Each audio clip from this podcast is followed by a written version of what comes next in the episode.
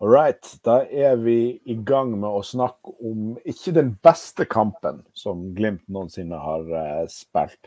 Med oss i studio så har vi egentlig bare han PM. fordi at uh, til tross for at han Øystein Parelius skrev i gruppechatten vår at han er klar hele kvelden, så, uh, så har han ikke dukka opp ennå. Så, um, så, vi får bare snakke, og så får han heller join oss hvis han, hvis han føler kallet.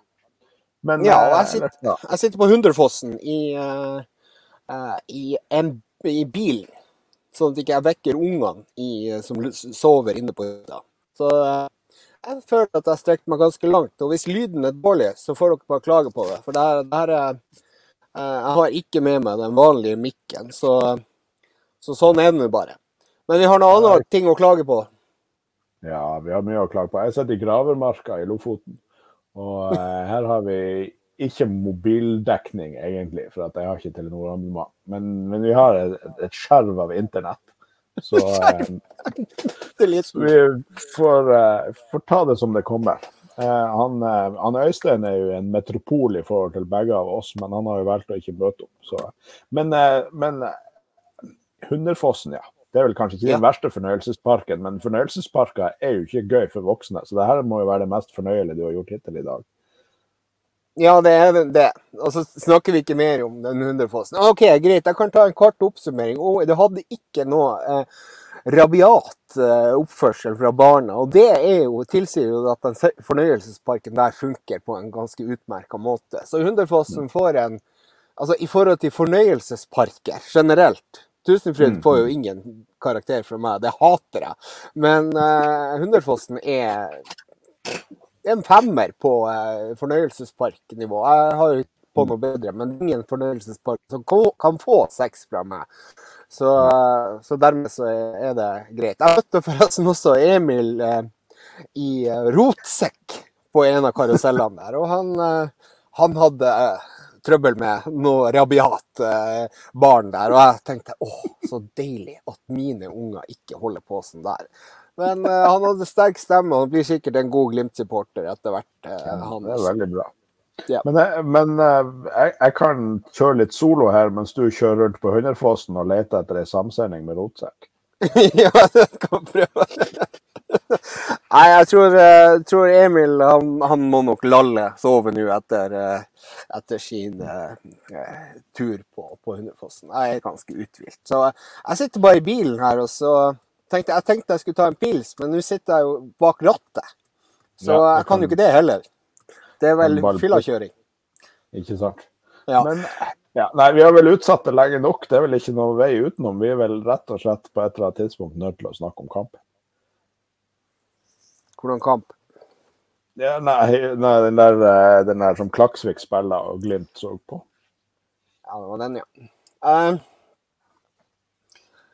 I går jeg var så forbanna at jeg visste ikke hvor jeg skulle gjøre meg. Jeg tror ikke det hadde vært noe idé å podde i går. Altså, Det hadde vært så mye ranting og så mye Jeg tror vi hadde blitt anmeldt. Og muligens at jeg setter en anmeldelse på, på, på spillere nå. For der er det mye å ta tak i, altså. Det er så, så giddasløst og så Altså, jeg er sjokkert over hvor lite trøkk det var i dem.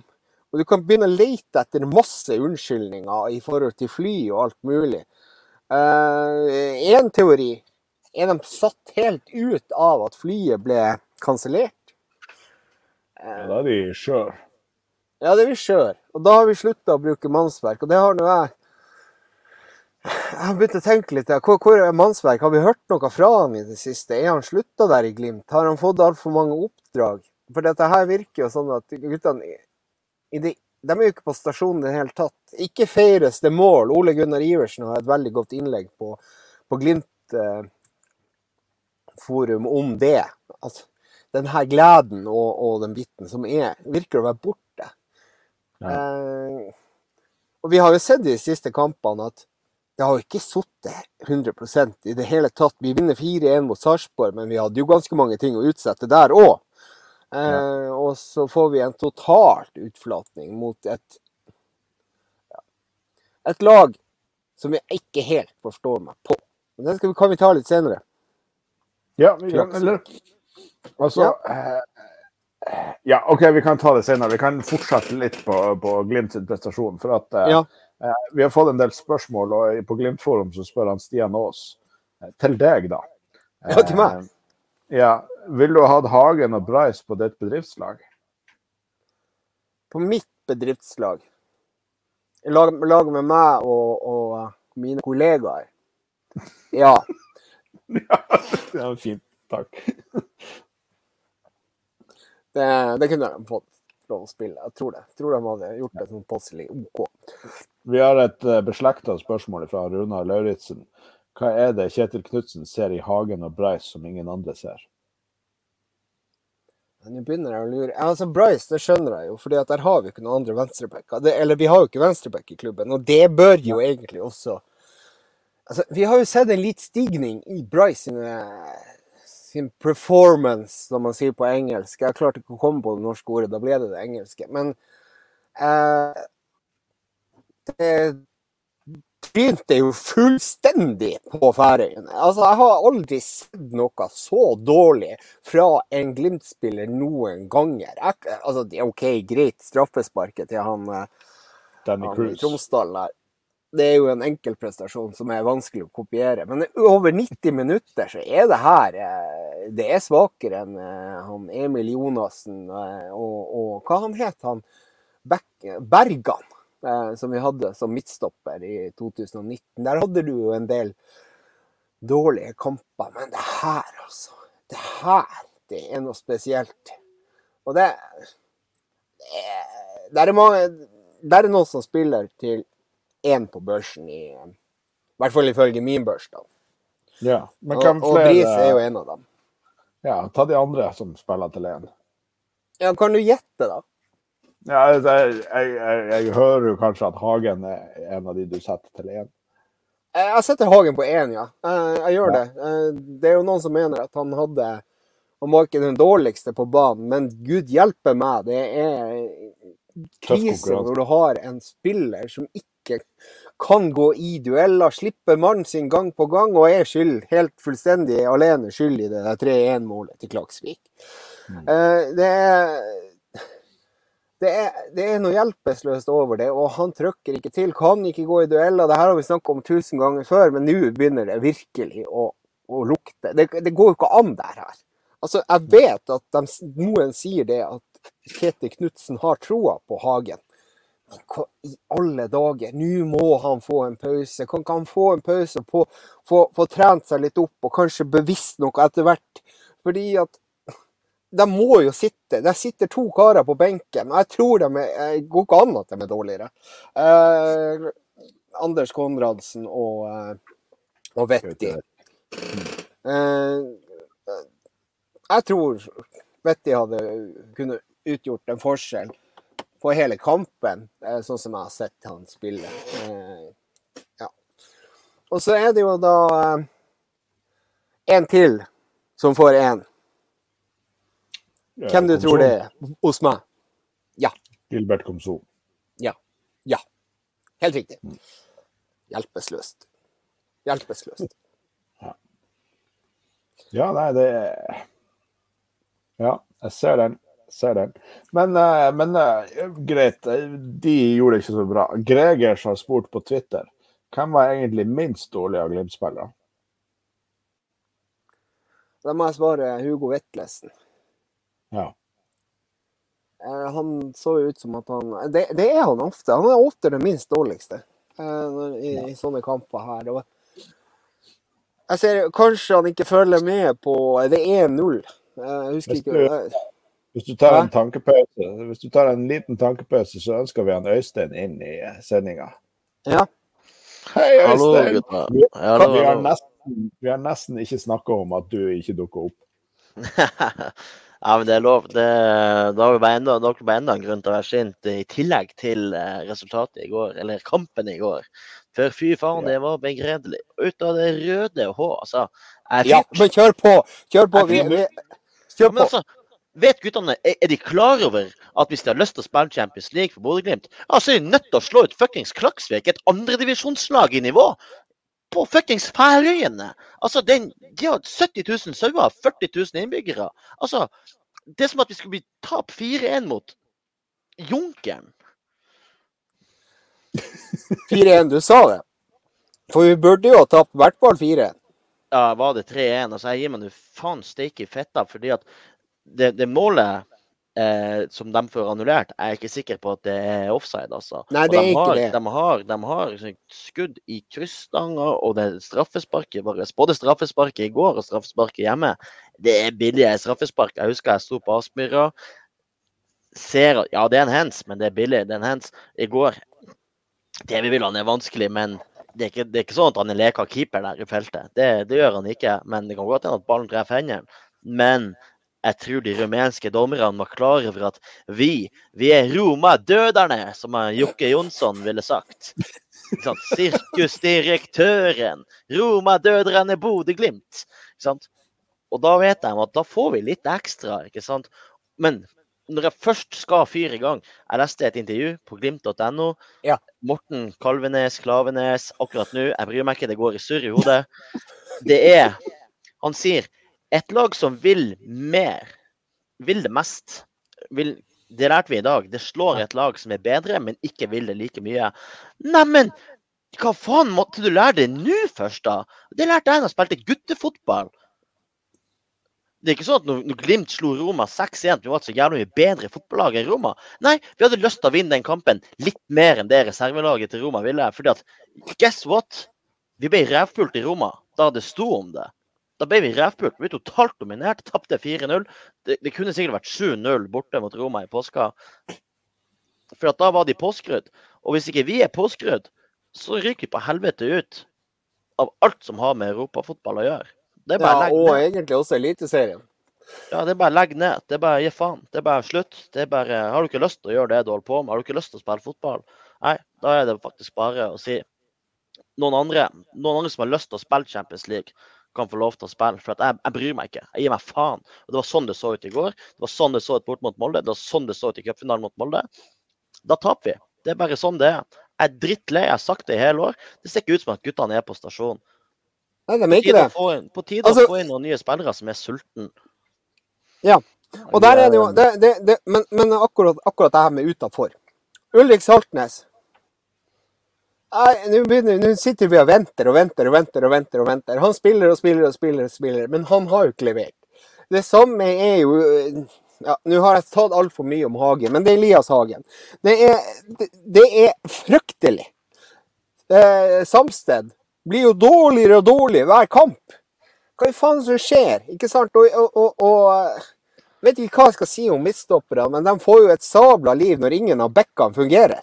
Det er jo helt krise. Og i tillegg når skjoldet eh, foran eh, forsvarerne Det er jo ikke der. Det fins jo ikke! Så eh, Og så har du jo også da Når du er nødt til å spille med da Konsum eller Sørli på vingene, så har vi jo ikke noe angrepskraft i det hele tatt. Og hvor i helvete var Boniface i går? Hva, hva holdt, holdt han på med? Han var borte. OK, greit, han får en toer hos meg for han har traff på det straffesparket. Det var jo Guds løkka, for da hadde ikke jeg internett. Jeg, jeg var helt sikker på at det var bom. Men, eh, men eh, det gikk i mål. Tusen takk for det. Men det var ikke straffe, og i tillegg så var det det at vi, eh, som du sier, offside, det var det ikke, det målet der. Så vi kunne i utgangspunktet tapt 4-0. Og hva hadde skjedd da, gutta? Nei, vi hadde røket ut. Vi måtte Da er ned. vi ute. Da måtte vi ha gått ned, og så måtte vi ha spilla Q2. Vi måtte vinne. Vi måtte ha vunnet Q3. Vi måtte ha vunnet playoff til Conference League. Nå når vi gikk videre fra Q1 Champions League, så er det nok å vinne ett dobbeltoppgjør. Om det er imot eh, Linfield, eller om det er i Q3 i Europa League, eller om det er i playoff i Conference League. Så, sånn, fra, fra å måtte vinne bare én til playoff, én til kvalifiseringsrunde nå, så måtte vi potensielt ha vunnet de tre neste kvalifiseringsrundene for i det hele tatt få et gruppespill i Conference League. Mens vinner vi det neste dobbeltoppgjøret mot Linfield, da er vi sikra gruppespill i Conference League. Så liksom, den, den gulrota med det gruppespillet, i det hele tatt muligheten til å kvalifisere seg til Champions League, burde vært så stor at de i det hele tatt møtte til kamp. For det så ikke ut som at guttene var interessert i går. Vi kunne like godt sittet på flyplassen i Bodø og bare ja, jeg vet ikke, jeg var, jeg var så irritert. Jeg er fortsatt så irritert når jeg prater om det. Ja, men før, før, Jeg før, før tenker, du kom jeg tenker at uh, når flyet ble utsatt en dag, så burde du jo brukt den tida til å gjøre det samme som du tydeligvis gjorde, Øystein, når du venta på å komme i sendinga og drikke 16 Red Bull. ja, men Du kommer inn som en fyr og flamme her. Det er helt nydelig. Fytte grisen. Det her er terningkast seks. Um, men du, jeg har snakka litt eh, før du kom inn, om mannsverk. Ja. Det virker jo som at han er helt ute av bildet her. For det er jo Er det ingen som bruker han lenger? Så Vi må begynne å stille spørsmål om det her. For den her denne gleden med å spille fotball, som Ole Gunnar Iversen skrev på Glimt-forum, er, jo, eh, er jo helt borte. Ja, nei, jeg vet ikke hva, men eh, Bjørn Mansberg har jo fått seg en ny sivil jobb som prosjektleder i denne Evgencia, eller hva det heter, det her konsulentselskapet. Og jeg vet ikke om det tar opp veldig mye mer av hans kapasitet, enn så han har mindre tid til å bruke på Glimt. For jeg tror ikke det er en mann som bare over natta over vinteren har blitt mindre populær i, i Glimt eller spillertroppen for øvrig. Så eh, jeg vet ikke, det blir, det blir bare spekulasjoner. Ja, det blir bare spekulasjoner. Men det er jo noe absolutt å tenke på. For det, det laget her virker jo helt eh, som et aspeløv mentalt sett. Hvis du skal legge skylda på, ikke sant. Du har, du har den situasjonen i eh, spillertunnelen etter Roma-kampen. Du har eh, en del andre ting som har eh, kanskje gått inn på dem. eh, som kritikk generelt. Og i tillegg så er det jo da, eh, så er det, jo da det her flykaoset som var før at du fikk utsatt kamp og sånne ting. Og skal det ha så jævla mye å si? Nei, jeg, jeg syns ikke det, fordi altså Greit nok når jeg drevet på med, med, med idrett på, på høyt internasjonalt nivå, sånn som Glimt tidvis gjør, men jeg har jo stått på startstreken i, i NM i landeveissykkel med, med 90% av makspuls og vært supergira, selv om jeg visste at jeg aldri kom til å vinne noen ting som helst. Og det som er gøy, det samme hadde jeg da jeg sto på startstreken i Valnesfjord. Fordi jeg vet ikke, jeg kanskje overtenning og slitt med innbytterpuls og alt sammen, men alltid vært kjempegira på at nå skal du ut, nå skal du prestere, nå er du nødt til å gjøre ditt beste. Og, og det er egentlig en type motivasjon som kommer inn fra også. Det, det er ingen som kan trykke på en knapp og si det her har du lyst til. Det her har du lyst til å Altså, jeg tror altså, hvis, hvis du er sulten nok som individ eh, på at dette er noe du virkelig har lyst til, dette er noe du virkelig skal få til, eh, saken det der at flyet er en dag forsinka, det, det spiller jeg ikke inn på det. For at du vet at når du skal ut og prestere, så er det deg og dine arbeidsoppgaver som har noe å si. Det flyet, det, det er historie, det er passé. Det, Men det overtenker vi her? Er det, overanalyserer vi? Leter vi etter for mange løsningsmodeller? Er ikke det rett, det som skjedde, rett og slett? At, eh, at eh, Glimt trodde at de hadde vunnet kampen før de møtte opp? Jo, jo, men det går på det godt med, med sult og, og indre drive. Altså Ja. Nei, ja, eh, OK. Eh, vi har fått noen spørsmål da på, eh, på både Glimt-forum og Twitter. Eh, og der er det jo da Erik, Erik, Erik Mikkelborg som er veldig ofte engasjert i de trådene våre. Hvordan er det mulig å være så opp og ned i prestasjonen som Bris? Blir det automat... eh, om, om, ja, OK. Som pris. Og blir det automatisk bedre om man blir flytta til høyreback? Vi har jo snakka om det før. Jeg tror, jeg tror det. Jeg tror det. Eh, Da får, man, får han de rette vinklene. Han kan gå eh, Han kan slå langs linja istedenfor å måtte gå innover. Det er ganske stor forskjell på det der. Jeg hadde jo aldri klart å spille venstreback eh, hvis, eh, hvis jeg hadde måttet flytte dit, blitt flytta dit over i min særdeles dårlige fotballkarriere. Jeg, var dårlig på høyrebekken, men dæven hvor ræva jeg hadde vært på venstrebekken. Ja, Er dere nei, ikke enig i det? Jeg tror det, absolutt. Og SF-podden, som vi kan jo eh, henvise til den, perioden, eh, den episoden vi hadde med de, de skrøt jo voldsomt av han mente at det var virkelig et stjernekupp vi har gjort. Og vi har jo fortsatt ikke sett han spille et minutt på, på høyrebacken. Så eh, Nei, Så da får vi be til Gud at det eh. Vi får be og, uh, Altså, det som vi vet om mat, mat mette Er det det vi sier? Skal vi være enige om det? Hvordan skal vi uttale navnet? For jeg tror vi må begynne å uttale det riktig her. Var det ikke Trond Dalhaug på Twitter som sa han var gift med ei som var halvt halvt finsk, det skal være æ, altså med to æ på rad så blir det langt, så det er mæte. Ja, det er det jeg mener. Og, eh, og det er jo da Dypvik. Isak Dypvik Mette. Eh, der er det sånn at ifølge våre medier og litt sånn histen og pisten, så er det vel sånn at han har Ålesund har godtatt bud fra Molde og fra Bodø-Glimt. Og så er det opp til Isak å avgjøre hvor han skal. Eh, og jeg håper jo virkelig at sunnmøringen slår hardt inn og han sier nei til Molde, selv om det kanskje er mer penger der. Men så er det en annen greie, og det, det står nå i hvert fall i avisa, at det kanskje er noen utenlandske klubber som også har banka på døra der. Og det er jo dem vi må få rydda bort. Og da tror jeg ikke vi har sjans i det hele tatt. Nei, det er jo det jeg også har hørt, at det er utenlandske klubber som har lukta på han. Så det er vanskelig å si. Ja. Eh, Nå gikk vi litt ut fra kampen, men, uh, men det var nå i forhold til spørsmål. spørsmålet til Bris. Uh, ja. Eh, hva du har på Glimt-forum der som, som går på direkte på kampen, uh, Jørn? Ja, Han, Tom Pedersen er jo inne på noe som, som vi har snakka litt om allerede. Men diskuter hvorfor det tydeligvis er en endring i holdninger innad i laget på banen. I går var det tydelig kjefting på hverandre, ingen innsalgsvilje. Ingen som gikk foran og tok ansvar. Eh, Dette var en forestilling likte verdig en seriemester, skriver Tom Pedersen. Eh, ja. Kom an.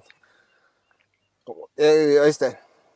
Ja, nei, det er vanskelig å si. Uh, altså, kjefting på hverandre kan jo være at man eh, At det er folk som ikke gjør arbeidsoppgavene sine. Man opplever at en eh, lagkamerat ikke er på eh, er på stasjon, ikke gjør arbeidsoppgavene som er avtalt at den personen skal gjøre. og Da må man jo på en måte si, si fra også, da. Så eh, så den kjeftinga henger jeg meg ikke så opp i, men jeg savner, en del lederskikkelser i, i stallen som, som ikke bare sier de rette tingene, men som også gjør de rette tingene. Også leading by example. Altså du har en type kaptein som er veldig vokal, og du har en type kaptein som bare går ut på banen og gjør jobben. Eh, jeg tror Glimt savner en type eh, som bare går ut og er først i krigen, er litt fysisk, eh, setter seg i respekt og får med seg resten av gjengen. Fordi at jeg syns det har vært en gjen- gjenganger nå i, i hele år, hele sesongen, at hvis motstanderne er litt fysisk, så detter vi helt igjennom. Som at vi ikke har lyst til å være med på, på det fysiske spillet. og Det blir fort fokus på dommere, det er frispark, ja, det skal være gult kort, ikke sant. Og så slår man ut med armene, er litt oppgitt. I stedet for å gjøre akkurat det samme tilbake. Og vi har en saying i Storbritannia som heter 'earn the right to play'. Vi, vi møter opp og har lyst til å være finspillende uten å skaffe oss retten til å gjøre det i sånne typer kamper som, som i går mot et veldig hardt arbeidende Klaksvik. Ja, og eh, det samme går jo Altså, det som har vært eh, mentaliteten som jeg beit meg fast i i forhold til et intervju med han Amal Pellegrino, var jo det at i Glimt så var det sånn at du kunne prøve, og så kunne du mislykkes, og så fikk du en klapp på skuldra. Eh, og eh, bare prøv, det går neste gang. Eh, den forsvinner vel litt når poengene uteblir. Jeg tror det jo det ligger der. Ja, men den, men den kjeftinga i går var jo ikke på et sånn type sånn et innlegg som ble feil, en pasning som var feil. Det er jo mer sånn at folk som ikke gjør de defensive ansvarene sine. Du Ja. ser uh, uh, Elias Hagen trekker jo opp Hugo Vetlesen noe helt enormt ut i andre omgangen der. Uh, og det er flere ganger Hugo ikke følger mannen sin, også på midtbanen. Eh, så jeg hadde forventa mer fra, fra han i går. Eh, det er også derfor eh, Samsted blir, blir to mot én på, på bakerste på, på førstemålet deres i Ja. går. For at Hugo ikke følger løpet på, på sin mann på midtbanen. Så kan man jo si Samsted og, og Isak kan snakke bedre i lag, så man plukker hver sin mann i stedet for at eh, om de to får lov, lov å løpe bak ryggen på, på Amundsen. Men uh, Hugo skal følge det løpet likevel. Mm. Ja. Nei, men uh, ja. uh, Neste spørsmål på kampledelsen går på, fra Gregers. Jeg glemte det nesten. Hva syns dere om kampledelsen fra benken? Eller rettelse, rettere mangel på sådan har vi det så jævlig dårlig stilt med innbyttere på benken. Ja. Eh, ja det, det, virker jo sånn. Full benk for tida, det er jo det. Hvem som vet hvor, eh, hvor, hvor, god form de er i. Er det, har vi halvskadde spillere som sitter der, i og med at det ikke gjøres et eneste bytte. Vi tror i utgangspunktet at det er ikke veldig stor risiko å sette inn f.eks. Anders Konradsen. Det er ikke sånn at uh, vi øker faren for å tape kampen med å sette inn på han. Eller Nei, det vil jeg jo ikke tro. Altså, Anders kunne jo kommet inn og skapt litt mer ro. Ja. Eh, tror jeg jo. Eh, det har han gjort tidligere. Jeg syns jo han har vært eh, egentlig veldig OK når han har kommet inn for Glimt. Så så der på 2-1 til Kloksvik, så er det jo naturlig å gjøre et bytte på midtbanen her. Og da, der kunne jo egentlig alle utenom, som jeg ser, Vetlesen gått ut. Men nå har jo Parelius et utvilsomt poeng da med at han, han heller ikke gjorde sine defensive løp eh, helt på, eh, på en god måte. Men benken til Glimt i går, det var det var Markus Ellingsen i mål, Anders Konradsen, Fredrik Sjøvold, Sondre Sørli, Ask Kjæransen Skau, Gaute Vetti og Runar Espejord. Og der er det jo en spiller da, i hvert fall som kunne kommet inn og sikkert gjort en bedre innsats. Det er Gaute Vetti. Så i hvert fall ifølge oss så har de fått beskjed om å ikke bytte. Det er jo Min store skrekk er jo det at de ikke bytter inn Sondre Sørli for at han skal spille mot, eh, mot HamKam, og at F.eks. da Pellegrino ikke er klar. Ja. Nei, altså, jeg vet ikke. Jeg tror dere det hadde heva laget hvis vi hadde flytta Muka og, og, og, satt inn på Sondre Sørli? Ja, ja, altså jeg tror, jeg tror alt hadde heva laget i går. Altså, jeg tror jeg hadde heva Glimt-laget i går bare fordi jeg hadde lyst, og så hadde jeg vart i fem minutter. hadde vart, og så Ja. Det nå er jeg jævlig krass og, og, og useriøs, men uh, altså, jeg hadde egentlig forventa at vi skulle rullere litt på laget inn mot, inn mot kampen mot Klaksvik. Fordi at de som vanligvis sitter på benken, også hvis du sier til de før kamp at presterer du i dag, så kanskje du får starte mot HamKam også. Da, da, er det en ekstra motivasjon i, i det, i stedet for at de de samme gamle sånn ja, ja, vi, vi får spille uansett, bare vi halter oss gjennom mot Klaksvik, så, så, går det her greit nok. Prøve å unngå en skade for at det kommer viktige kamper. Så, så jeg syns det er dårlig, dårlig man management eller dårlig håndtering av, av stallen. Selvfølgelig, Det kan jo være til medisinske årsaker som gjør at man, man ikke gjør bytter, men, men Vetti og, og Konradsen har jo hatt en del innhopp, så de burde jo begynne å å nærme seg en kamp, og spesielt mot, mot Klaksvik, som ikke er på noe sånt Selvfølgelig de er jo på et høyt fysisk nivå, da, men, men som rent fotballmessig så er de ikke et veldig bra lag. Det burde egentlig andre rekka til, til Glimt lag å slå. Mm. Ja, men nå tror jeg det, og det får vi nå se på lørdag. Vi skal jo her på Briskeby og se den kampen der. Eh, at eh, både Pellegrino og, og eh, Mo er spilleklar. Og så spørs det om de slipper dem til. Jeg har en liten guts på det, uten at jeg skal være helt 100% sikker. Det har vært nevnt at de skulle spares mot Sarpsborg og mot Klaksvik bort. Det holdt jo på å gå rett i helvete med, med den eh, avgjørelsen der. I hvert fall på Færøyene. Uh, ja, Jørn, hva er Glimt-forum ellers? Har de noe direkte på kampen der? Uh, så vi kan bare gjøre oss ferdig med de spørsmålene der. Nei, altså Runar Lauritzen har spurt om det her med uh, Kalvenes. Så det har vi jo på en måte det har vi på en måte akkurat uh, gått gjennom. Så vi har dekket inn det spørsmålet hans om hvilke signaler det sender spillerne og, og sånn. Um, men ja, Henrik spør hva er det som lugger, hvorfor svinger prestasjonene så grusomt mye fra kamp til kamp? Og jeg vet ikke, Har det det? Har det svinga så voldsomt? Eller uh, grunner vi på det, på det samme på nytt og på nytt? Jeg syns det egentlig ikke har vært noe bra. Eh, veldig bra. Altså, nå ga Sarpsborg oss ekstremt med rom. Og så skal jeg litt tilbake igjen til Klaksvik når hvis vi er ferdig med de spørsmålene. For Mm. der er det en liten eh, greie som jeg har lyst til å ta opp. Så Jo, Du kan godt ta den nå, og så kan jeg Ja. eh, sende deg en pasning der. For at eh, det som har, noen som har svinga like mye i prestasjonene, er jo Klaksvik sjøl. For at Glimt var jo ikke fantastisk på hjemmebane. Hvis Klaksvik har spilt like bra eh, på Aspmyra som, de, som de gjorde i går, så har vi jo virkelig hatt trøbbel. Altså, nå er det jo sånn at Klaksvik kom på Aspmyra eh, og tapte 3-0. De spilte en 3-5-2-formasjon som jeg forstår er veldig uvant for dem å spille. De var ikke vant med det. Eh, De er vant til å angripe, egentlig litt sånn som Glimt. Der hvor de har en målforskjell på hylende eh, 99, var det 99-12 eh, i egen liga. De har tapt én kamp og spilt én uavgjort, sånn som man klarer å se, og leder den ligaen sånn som vi gjorde i 2020 med Glimt. Eh, Sist gang Klaksvik tapte mer enn 3-0, var mot AIK i 2017 på bortebane i Sverige. Altså den svenske seriemesteren, da.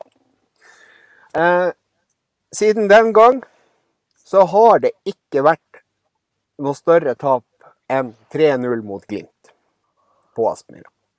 De har bl.a. blant annet, hvis du ser Europa i serien, så vinner de stort sett alt. Eh, de har gått på ett eh, forsmedelig 4-2-tap mot Vestmordyr en eller annen gang i 2019, tror jeg det var. 4-2. Og så var det Og så har de da i Europacupen vunnet 6-1 mot Dynamo Tbilisi da fra Georgia, den georgiske seriemesteren i eh, ja, Om det er kvalifisering til Europaligaen. Og så er det jo da eh, andre resultater som de har hatt. da. De har tapt 0-1 for loseren i et dobbeltoppgjør i eh, kvalifisering til Europaligaen i 2020. De tok femteplass eh, nå i år, eh, og eh, naturlig nok også da var det var tredjeplass i 2019. Eh, så loseren er ikke et veldig dårlig lag, sånn sett. Det er et lag som, hvor du får ganske mye penger for å spille. Sveitsisk fotball er ranka, er ikke det ranka bedre enn den norske ligaen? Hjelp meg litt der. Skulle hatt fotkalk der, men Ja, får gå og finne fotkalk og ja, det er ikke sant. Ja, gå inn og se. Eh, og så har de et tap mot Young Boys 1-3, eh, som vi har nevnt et par ganger. En, eh, Young Boys det er et godt lag. De var i gruppespill i Europa League. 1-3, og det var en enkeltkamp. Det var når, under covid eh, i Europacup. Eh, ja, målforskjellen er 99-12. Så 3-0, 0-3 på Aspmyra er det største tapet de har hatt siden 2017.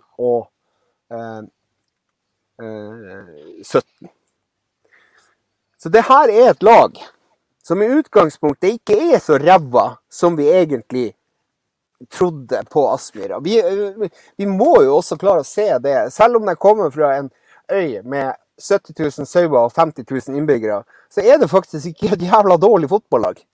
Eh, så, så Sveits er faktisk på plassen under oss. Ja, OK, de er under eh, oss da sånn Men det vil si at før vi gjorde det så jævla bra i Conference League, så var Sveits over oss. Sikkert. Ja, Ja, da var, da var Ja. de på eh, 14, og vi var på 17. Men jeg tror den ligaen der, de betaler jo ganske greit for å spille fotball der. Bedre enn i Norge. Det, det vil jeg tro. Det det. Så Selv om Færøyene er en bitte liten plass, så er det her Klaksvik-laget ikke kjent for å tape mange kamper.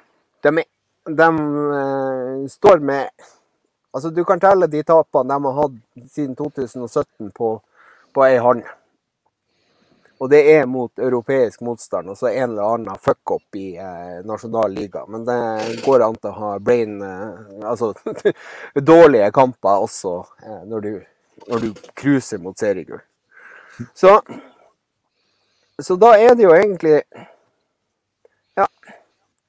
Eh, Klaksvik De er ikke et Obos-lag hvis de får lov å spille den fotballen eller hvis de spiller den fotballen de er vant til å spille. Og på Aspmyra så gjorde de ikke det. Så det kan være en årsak til at vi eh, ja, feilberømte dem etter første kampen. Jeg var litt nervøs før første kampen, og så tenkte vi det at, at det var sånn eh, de var. Men når de kommer ut på, eh, på sin egen arena, så ser vi jo faktisk at det laget her har noe å stille opp med. Så det kan ligge noe her. Og eh, hvis du ser på resultatene, statistikk eh, til for å bli eh, dum av, men eh, du kan også bli klok av det. Så Ja, hva dere tenker om du... det her? Er, det, er, det, er jeg på villspor? Du, det er jo ikke det. Det, det er jo et, et solid lag ut ifra det du sier. Men også når vi ser på hvilke mål det var vi skåra på Aspmyra, så er det jo ikke sånn at målene kommer ikke etter at Glimt har spilt veldig bra. Det er jo et straffespark, og så er det Boniface på en corner han går ut der og, og skyter vendinger. Og hvordan er det siste? Eh, Boni, det òg um, Og det er også dødball, eller Var det straffe? Nei, jeg sa straffe. Men Ja, det, du det jo sa på en, straffe. men to av målene er på corner og i billig straffe. Mm. Og, eh, og vi hadde egentlig ikke så jævla mange sjanser hjemme mot Klaksvik at Så 3-0 var kanskje litt flatterende, selv om det var et korrekt resultat, fordi at Klaksvik ikke hadde, Altså, hadde Flatterende var det vel kanskje ikke, men jeg tror som sagt at Klaksvik spilte en uh, form for fotball der hvor de ikke var klar for det. Mm. Det er min teori. f- Før vi eh, går over til å snakke litt om HamKam, som er den umiddelbart neste kampen, så la oss være litt på Champions League-sporet. Hva Ja. tror vi om Linfield og nordirsk eh, fotball og eh, sjansen for å ta dem? Er dette en vekker som vi vil lære av, eller eh, står vi i fare for å gå på trynet der også? Nei, så vi, vi må jo ha lært. Vi må jo ha lært. Ja. Det, Ja. Altså, det er jo det at Linfield-laget har de jo snakka om at kanskje det var I hvert fall Glimt internt har snakka om at det laget, eller de lagene som møttes da i den andre kvaliken, eh, altså den kampene som skulle spille mot oss, er svakere enn Klaksvik. Det, og de var ganske like gode. Det var jo eh, Det var 1-0 de vant til slutt. Linfield. ja.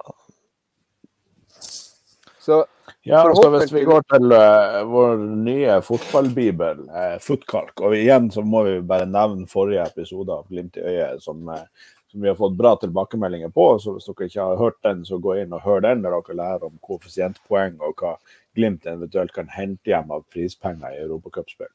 Men inne på footkalk.com så er jo faktisk den eh, nordirske ligaen renka to plasser over den færøyske, på 41. plass. Og faktisk eh, mellom de to så er det den irske ligaen. Så eh, de, de skal på papiret være fra en hakket bedre liga enn den færøyske, men, men ikke så veldig. Ja, og Linfield Ja. også er ranka 108.-plass i Europa. Vi lå vel på 94.-plass før Ja. sist. Jeg vet ikke hvor vi ligger nå. Anne. Ja, men allikevel så, så er det jo ligaen i seg sjøl, ikke sant. Og det er jo ikke lagene. Så, Mm. Ja så det er jo det er ganske stort sprang da fra, fra Klaksvik og til de andre lagene på Færøyene. Eh, og så er det kanskje litt jevnere i Nord-Irland. Nå tipper jeg bare. Men Linfield er jo et lag man gjerne hører om fra, fra Nord-Irland når det gjelder representasjon i europacupkvalifiseringer. Så Linfield, Vi har jo back erfaring. home. Er, Ja. er det her noe som Rosenborg har spilt på mange ganger? har Ja. ikke ja. det? I hvert fall en to-tre ganger, som jeg kan huske. Mm. Nå har ikke jeg sjekka Så- noe så veldig mye opp. Altså eh, ja, de, de vant 2-0, Linfield, nå mot eh, Mot eh, Men i 2019 så vant Rosenborg totalt 6-0 sammenlagt over Linfield. 2019, ja. Og vi var jo bedre enn Rosenborg i 19, det var jo da vi kom på andreplass bak Molde. Så eh, nei, vi får, eh, vi får nå eventuelt lese oss litt opp på Linfield og se om vi klarer å komme, komme oss ut. Det er jo ferietider nå, så det er jo det er jo ikke så ofte at vi kan sette oss ned og podde. Når jeg sitter Nei, i en bil på Hundrefossen, så eh, og, Nei, eh, allerede- 4G. Allerede tirsdag så er det Ja. bortekamp mot Ja. uh, Linfield. Uh, skal vi se her, nå skal jeg bare sjekke den her. Linfield vant jo selvfølgelig siden de er i den her Champions League-kvalifiseringa. De vant ligaen i fjor, og med ett poengs margin til Cliftonville. Og Mm. eh, det er de to lagene som er de, de største lagene i eh, Nord-Irland. Jeg Jeg tror ikke jeg har så veldig mye mer å komme med der. Nei, jeg ser kongen av Napa hvisker i vårt høyre øre her at eh, Linfield har 56 mesterskap. 14 av dem er etter 2000. Mm. Ja. Så de er jo ganske stabilt eh, best i, i Nord-Irland, da. Ja. Ja. Det er bra at kongen av Napa er med her på eh, I ånden, i hvert fall. Han har så Ja. dårlig internett i Aya Napa, da, så det, det, det går nok ikke. På Graban og grus der, det er så dårlig internett der at det Men så spør jo Kim Erlend Han spør jo om de her Linfield-kampene. eh, han kjenner at han gruer seg. Kim Erlend Rye. Eh, spør, sier at han gruer seg til HamKam og Linfield allerede. Er vi på virkelig vei til, tilbake til gamle synder med tap og uavgjort der? Men hva i alle dager? Gamle synder og gamle synder? Det vi er jo ikke like gode som i 2021. Og jeg gleder meg enormt til det overgangsvinduet da vi skal forhåpentligvis få inn en venstreback med en venstre fot. Eh, og så får vi egentlig bare gjøre det som er best eh, mulig nå i den kampen mot HamKam. Og hvor mye har det å si at vi spilte den kampen her på torsdag? Nei, på onsdag. Og skal spille igjen på lørdag. Det, Det burde gå helt fint. Ja, de kan jo umulig ha løpt seg veldig sliten i løpet av den kampen. man må jo ha fått Ja, det er jo på. Onsdag-lørdag er ikke noe verre enn det vi spilte i hele fjor, som var torsdag-søndag. Og da tok vi jo igjen åtte poeng på Molde på høstsesongen der, så det, så det skal egentlig Glimt eh, takle bra. Um, Sånn sett så går det fint. som er også, er at Glimt hadde jo en dårlig vårsesong i fjor også, men vi halta oss nå gjennom kvalifiseringa til, eh, til Conference League. Og det også var nå eh, Vi slapp nå inn en to-tre mål borte mot eh, Pristina, var det det, i Kosovo der. Og, og vinner vel på nød og neppe på hjemmebane totalt sammenlagt. og det var jo ingen som var sånn, ropte sånn superhurra over det vi presterte midtsommers i fjor heller. Allikevel så blir vi blir vi seriemestere og legger ut på tidenes europaeventyr. så, Så, jeg er ikke der at jeg avlyser hele sesongen helt ennå, altså. Eh, For det kan godt hende at det er det, at det, det guttene trenger, å bare spille masse kamper, rett og slett. Ja, og så en ny vekker, da. Hvis det her var en vekker, ikke sant. Og det må det ha vært. Uh, Ja, Og så er det jo det. hadde du tatt ut Vetti til, eh, til kampen mot HamKam? Jeg vet ikke, jeg har ikke sett ham på trening, men Nei, ikke jeg eh, heller. Altså, det vi har sett av han har jo vært bra. Han har jo, han har jo prestert når han har fått spille, så, så med mindre det er noe fysisk som gjør at han ikke kan spille lenge nok i løpet av en fotballkamp, så vil jo jeg tenke at det er på tide at han får prøve seg. Eller han Anders Ja, helt enig. Hva det var jo vant Lillestrøm i cupen, var det 4-1. Ja. Uh, Så da spilte jeg jo Vetti hele kampen, først som, som sentral på midten og så ned som stopper. Eh, og Da syns jeg han så veldig god ut. og Jeg vet ikke hva det er. Han var jo mye plaga i, i Sarpsborg med kroppen. Jeg vet ikke om det er de samme plagene nå, eller om det er en ny type skade, eller, eller hva det er som gjør det. Men uh, han er jo på benken, så han burde jo i mine øyne kanskje vært klar for minimum 60 minutter. Og da kan det kanskje vært like greit å bare, å bare starte med han. Ikke sant. Ja. Ja, nei, altså, I'm all for it. Um, det Men, må jo i hvert fall eh, være noe hjemmekamp. HamKam, er ikke det De har ikke hatt det Etter forventningene så har de gjort en bra sesong, men uh, det bør jo være bør, Altså, alt annet enn seier må vi jo være veldig misfornøyd med. Må ikke det? Det blir jo sånn. Vi er på skuddhold, og, og, og eh, eh, Vi kommer jo til å være forbanna med en uavgjort. Det Ja. må vi få lov å være, selv om vi kanskje ikke er i nærheten av det spillet som vi har, kan forvente. Men det, blir, det hadde vi vært også. Vi hadde vært fornø- misfornøyd med, med uavgjort på, på, på Briskeby eller på HamKam stadion, hva det heter da. Eh, eh, hvis vi hadde ligget i nedrykksstriden nå. For da hadde vi måttet ha tatt poeng.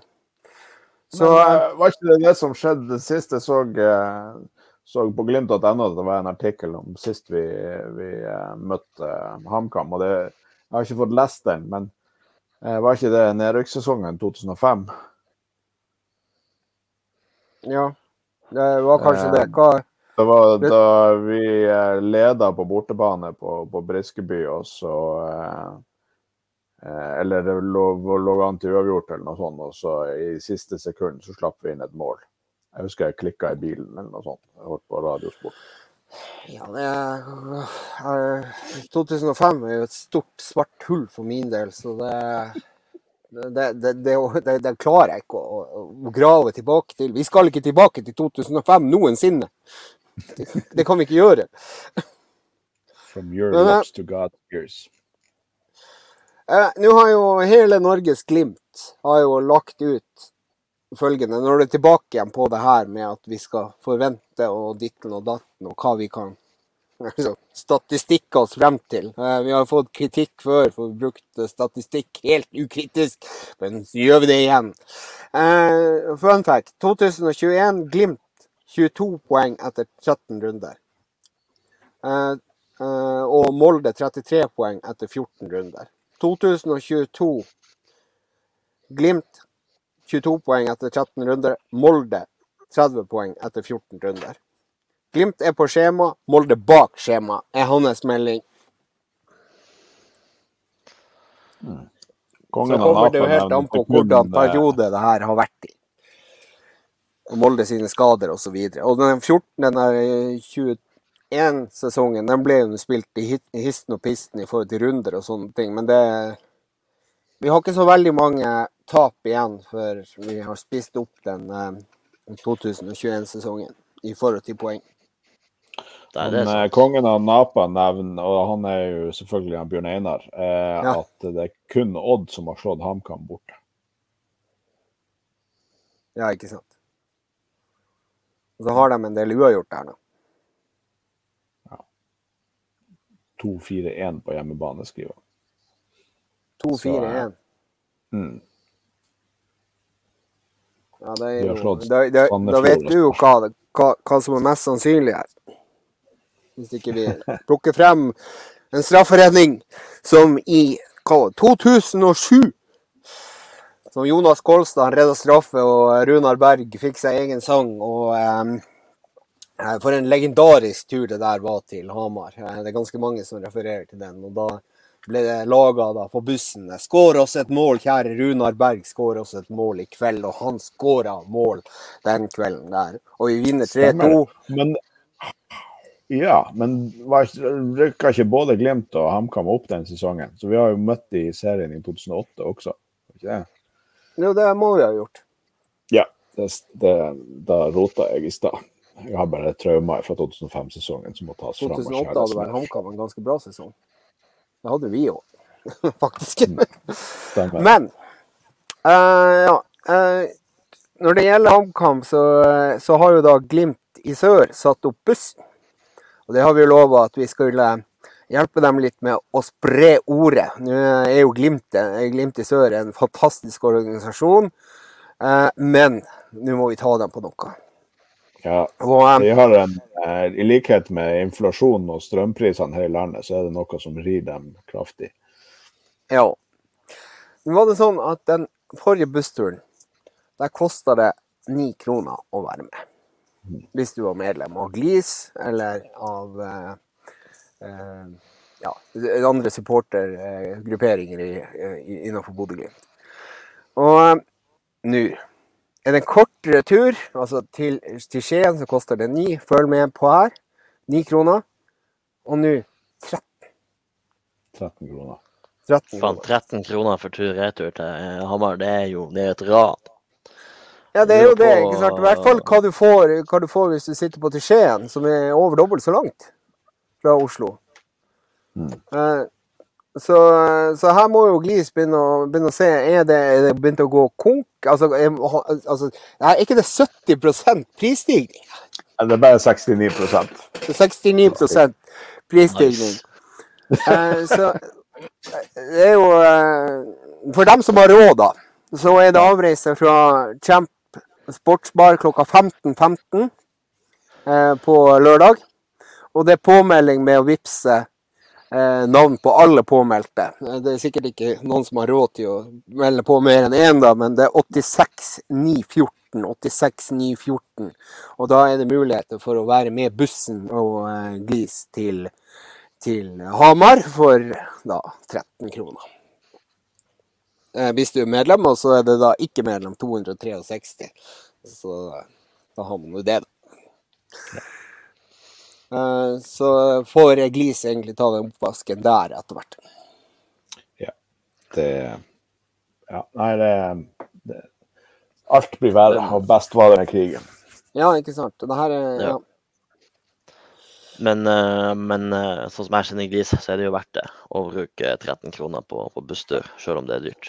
Det, ja, det er jo det. Vi har jo vært med Så på du- noen turer, så ja. bare lukk igjen øynene når det vipser, så, så, så være med. da det stå til. Ja. Men eh, eh, nå, har har vi vært på idéstadiet på det her, og så får vi se om internett holder eller noe sånt. Men Ja. eh, vi har jo noen, eh, vi har jo noen eh, intern eh, glimt i øyet-pod-baserte nyheter. Og Ja. en av de, og det tenker jeg at eh, vi forsøker oss på med forbehold at vi har bra nok internett, eh, direkte etter kampen eh, mot HamKam på lørdag, eh, så kjører vi livesending på Facebook-sida til Glimt i øyet.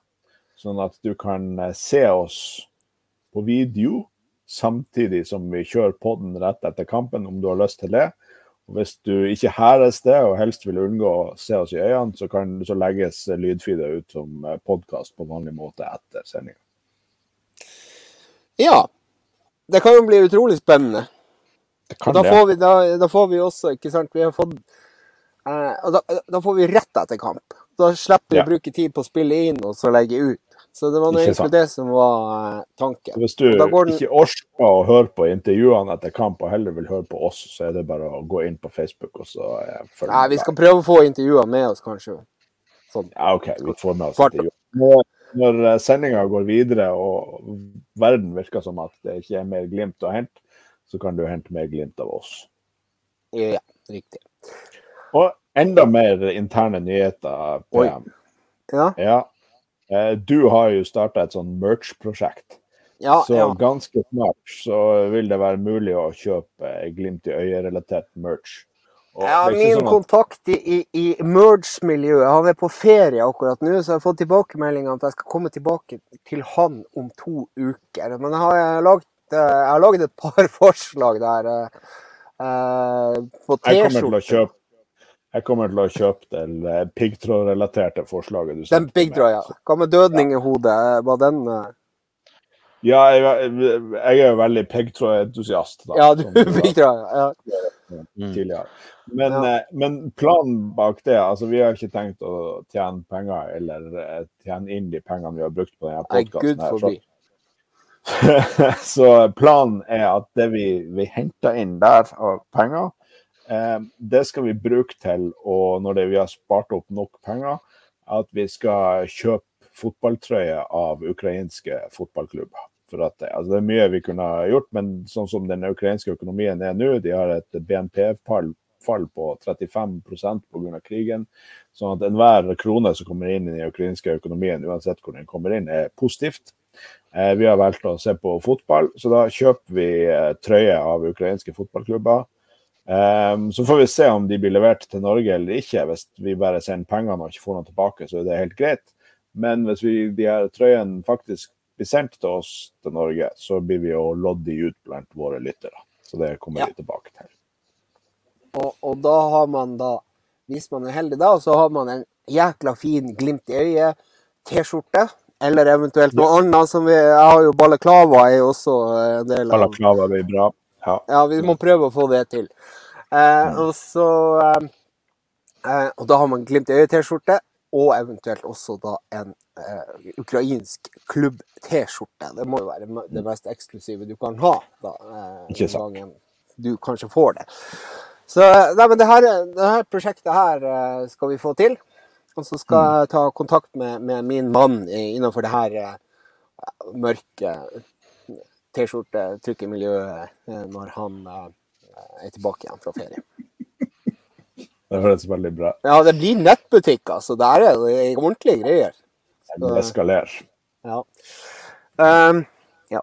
Uh, ellers var det noe mer vi skulle snakke om. Jo, uh, der er jo uh, Mikkelsen linka til Glimt og Anders Trondsen. Ja. Hvem skal vi ta først?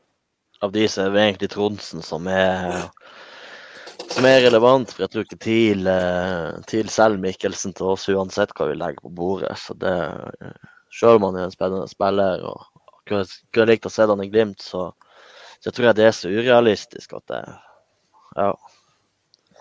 Ja. Eh, hvis du tar eh, Mikkelsen der, så er han jo da, eh, i tillegg til å spille i Tromsø, så er han jo da også eh,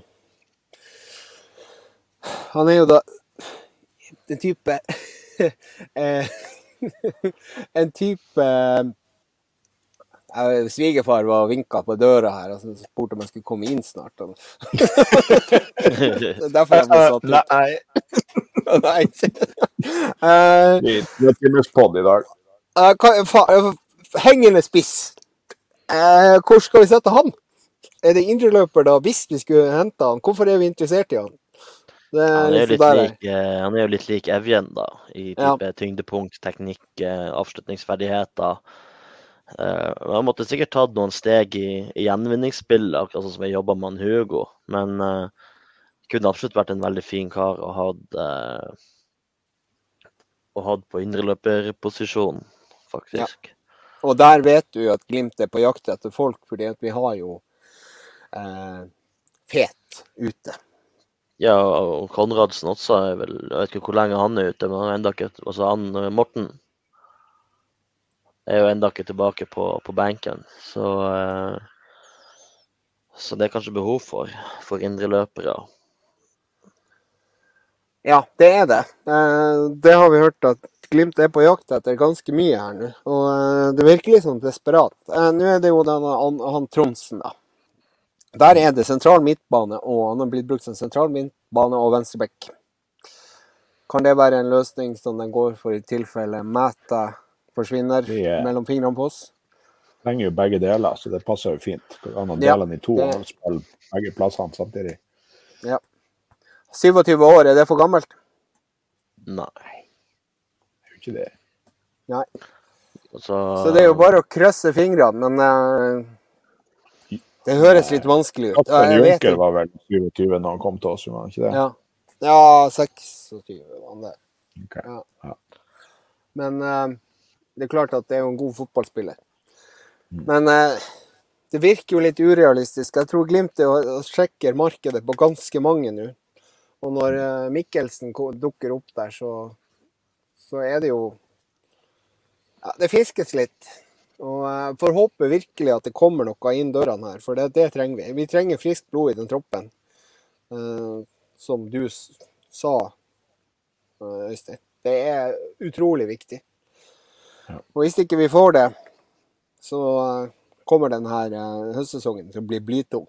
Det blir ikke noe europagøy, tror jeg. Da må vi ha spillere som går rett inn og forsterker laget, og som er faktisk i form. Ja. ja. Vi, vi nærmer oss uh, overgangsvindu, så vi vi, ha, vi, har diskutert og kommer til å ha en egen sånn her overgangssending uh, når det nærmer seg. Så dere får spare opp med spørsmål og forslag til den sendinga. Vi, vi, gjør en offensiv for å bli flinkere til å ta med lytterspørsmål enn vi har vært tidligere. Ja. Og så må jeg jo ta kremen av alt. For det at vår gode venn Johannes fra Fotkalk har jo spurt som et avsluttende spørsmål. Jeg syns det var veldig bra spørsmål. Jeg vet, jeg vet, ikke helt om han er seriøs, eller om han skulle stikke et lite, lite knivblad mellom ribbeina våre. jeg syns han, han, er god.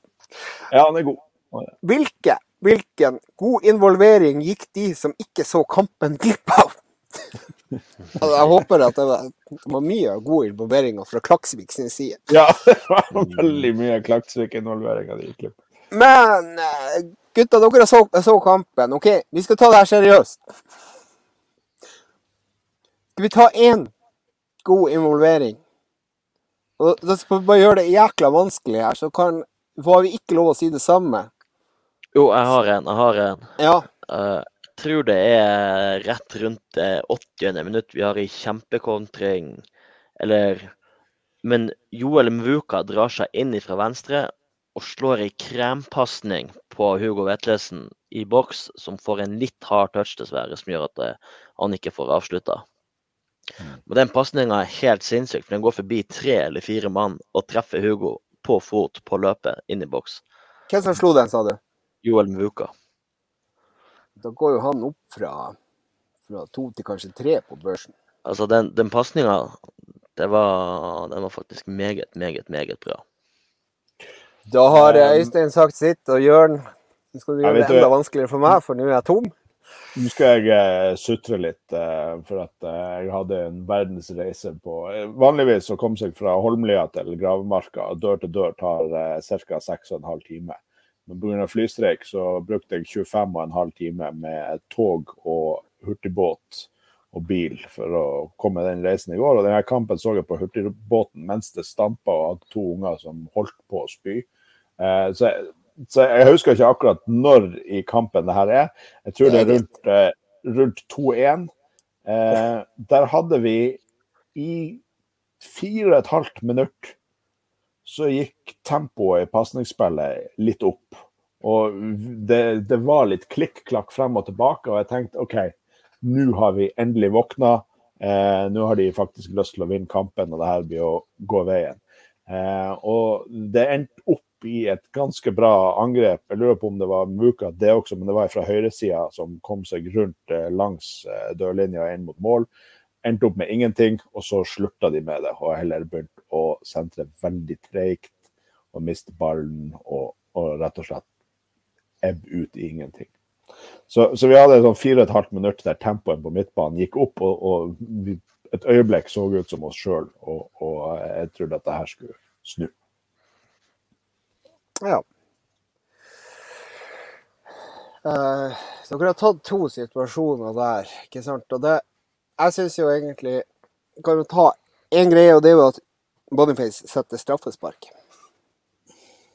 Det ja, det er en bra straff. Det er det. Den, er, den går i mål.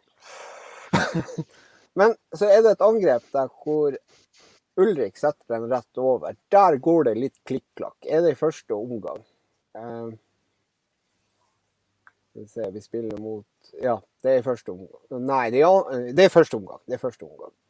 Der hvor Ulrik setter den over. Det er egentlig bare Ulrik sin avslutning som er litt dårlig, som den har vært i det siste. Og der er det liksom tilbake igjen til eh, Stian Aas stiller spørsmål om Ulrik ikke er så god fotballspiller. Jo, det er han. Han må bare. Han må bare få inn det siste. Det siste biten mangler akkurat nå. Og mm. hvordan du skal få det inn, eh, det må Bjørn Mansberg finne ut av. Og Ulrik sjøl. Han har no godt nok fotballhaug til å få det her på plass. Og eh, om han sitter i en rosenbusk eller eh, inni, et, eh, en lavvo, eller hva han må gjøre for å få, få, det her til Den siste biten, den må på plass. Og det er det Det er kanskje det en av de viktigste nøklene for at Glimt skal gjøre det bra i høst, er at Ulrik kommer seg i form og kunne begynne å ta tak på treningsfeltet og være den sjefen som han har normalt vært, å ta over den rollen fra Patrik Berg, eh, Lode, Bjørkan og den biten der. Det er han som skal være kulturbærer i klubben fremover. Det er han som har lengst kontrakt med klubben. Det er han som er fra Nord-Norge. Det er han som er Bodø-Glimt. Og Ulrik, her kommer til å gå, bra. Men vi gleder oss. Vi gleder oss, vi gleder oss enormt til du er 100% klar og eh, får den siste biten på plass. Da er et par av nøklene på plass. Og så må vi ha den sentrale midtbanen eh, bedre. Jo. Men vet du, nå syns jeg vi var, synes jeg vi var flinke. Nå har vi, eh, nå vi rensa oss for denne kampen gjennom denne podkasten. Og på en eller annen måte, litt ved hjelp av footkalk, men eh, særlig din nå Saltnes-hyllest om Ja. fremtida til Saltnes og Glimt, så klarer vi å ende på en high note. Ja, vi, vi gjør det. Og så i tillegg så glad følelse i magen. Men jeg anbefaler alle som hører denne podkasten å se på Klaksvik sine resultater. Så skjønner dere hva jeg mener. Det bruker jeg statistikk, og statistikk er av og til fordummende, men av og til så er det også greit å vite at eh, de to kampene her så er det ganske stor forskjell på hvordan Klaksvik spiller. Og så går du tilbake igjen og ser på statistikken deres, og så ser du at det her er faktisk et OK bra fotballag. Yes. Men som du Så skal sa vi tippe resultat mot, viktigste- mot HamKam. For at, OK, før de- tipp resultat mot HamKam. Kjør Øystein, hva du tror. Uh, 1-2. Altså, vi vinner 2-1. PM Ja. Nei, Dessverre så sier jeg 2-2. 2-2. Jeg tror at, eh, jeg tror at vi får eh, samme reaksjon etter et forsmedelig europanederlag som etter Roma-kampen, og så vinner vi 5-1. Åh, ja, det er deilig. deilig. Oh, måtte vi vinne 5-1. Det har vært så magisk. Ja, men, Yes. Da, da har vi tippa, og så skal, vi, skal jeg ta frem det PM sa, som ga en sånn varm, god følelse i magen.